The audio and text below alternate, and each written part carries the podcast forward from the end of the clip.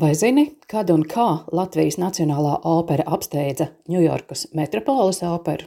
20. gadsimta 20. gados visu Eiropu pāršalca mūzikas modernisma tsunami. Viens no tā brīža modernisma izpratnes tipiskiem paraugiem bija čehu izcelsmes austriešu komponiste Ernsta Kšeneka opera Džonijs uzspēlē, kuras pirmie studējums notika 1927. gadā Leipcigā. 1929. gadā Džonijs uzspēlēja arī Latvijas Nacionālajā operā, jo tika cerēts ar šīs tā dēvētās džeza operas palīdzību glābt Baltā nama katastrofālo finansiālo situāciju. Tas arī izdevās, jo, kā tūlīt pat pēc pirmizrādes savā romānā Atbrīvotais zvērs pasteidzas iegrāmatot Vilis Lācis, Džonijs tobrīd ir tā vislabāk skanošā monēta Eiropas mākslas tirgū. Jānis Zālītis uzvedumam veltīto recenziju jaunākajās ziņās sāk ar vārdiem: Eiropai sava mūzika apnikusi. Tagadējais cilvēks to dziļāk neilgojas.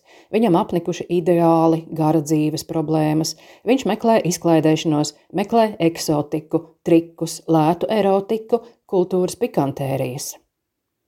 Kāds TR rakstā modernisma ieskaņas Nacionālā operā pauž, ka Džonijs uzspēlē ir jau liels solis uz progresu, uz masu mākslu, uz tagadnības mākslu.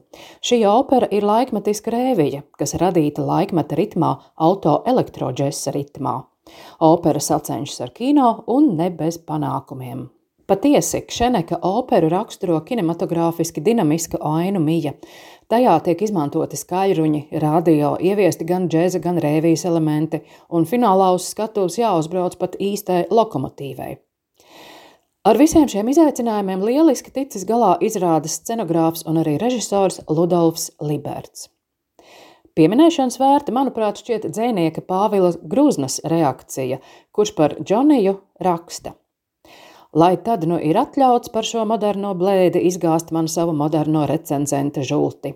Kas ir Džonijs uzspēlē? Opera? Nē, bleķis. Bleķis, kuru grabina tagad visa Rīga, un tic, ka tas ir moderns šedevrs. Par muzikālo pusi grozna piebilst. Tur ir tikai muzikāli kankari, nekādas muzikālas pamatdomas, Nekāda vadoša motīva, nebeidzams drumslojums, krikumojums gan no harmoniskām, gan disharmoniskām un kakofoniskām, muzikāli nemuzikālām epizodēm. Vārdu sakot, muzikāls raganu ķēķis, jeb nebeidzams džezbēns, kura izpildīšanai aicināts operas orķestrim palīgā pat Alhambras džezistu sastāvs.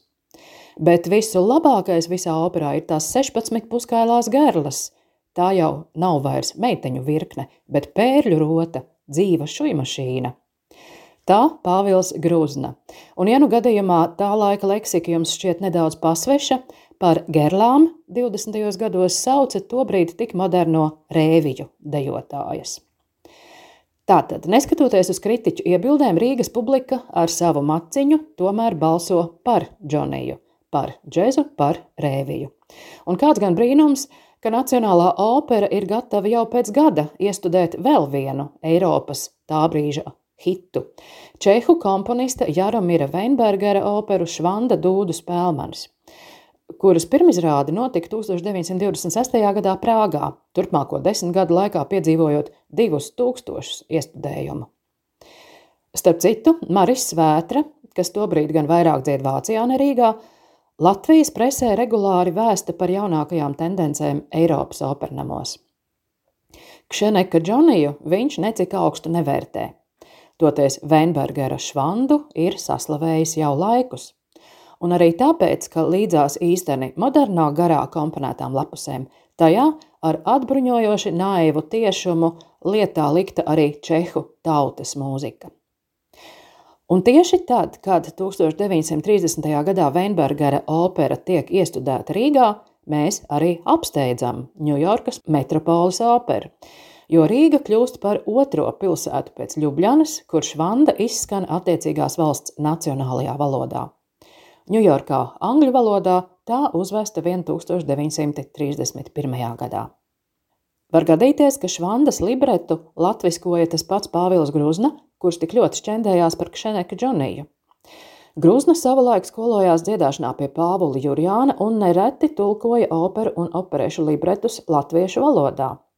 Tā kā recenzējot Švandas izrādi, viņš jau atkal šķendējas par to, ka nav izmantots viņa ieteiktais operas nosaukuma tulkojums Dūdenieks Švanda, tad atļausimies izteikt hipotēzi, ka tieši pateicoties Pāvilam Gruznam un viņa tulkojumam, Rīgas pirmizrādes datums 1930. gada 6. decembris Dokumentējot dūdnieku švandas uzvaras gājienu pasaulē, nu tiek minēts pat Wikipēdijā.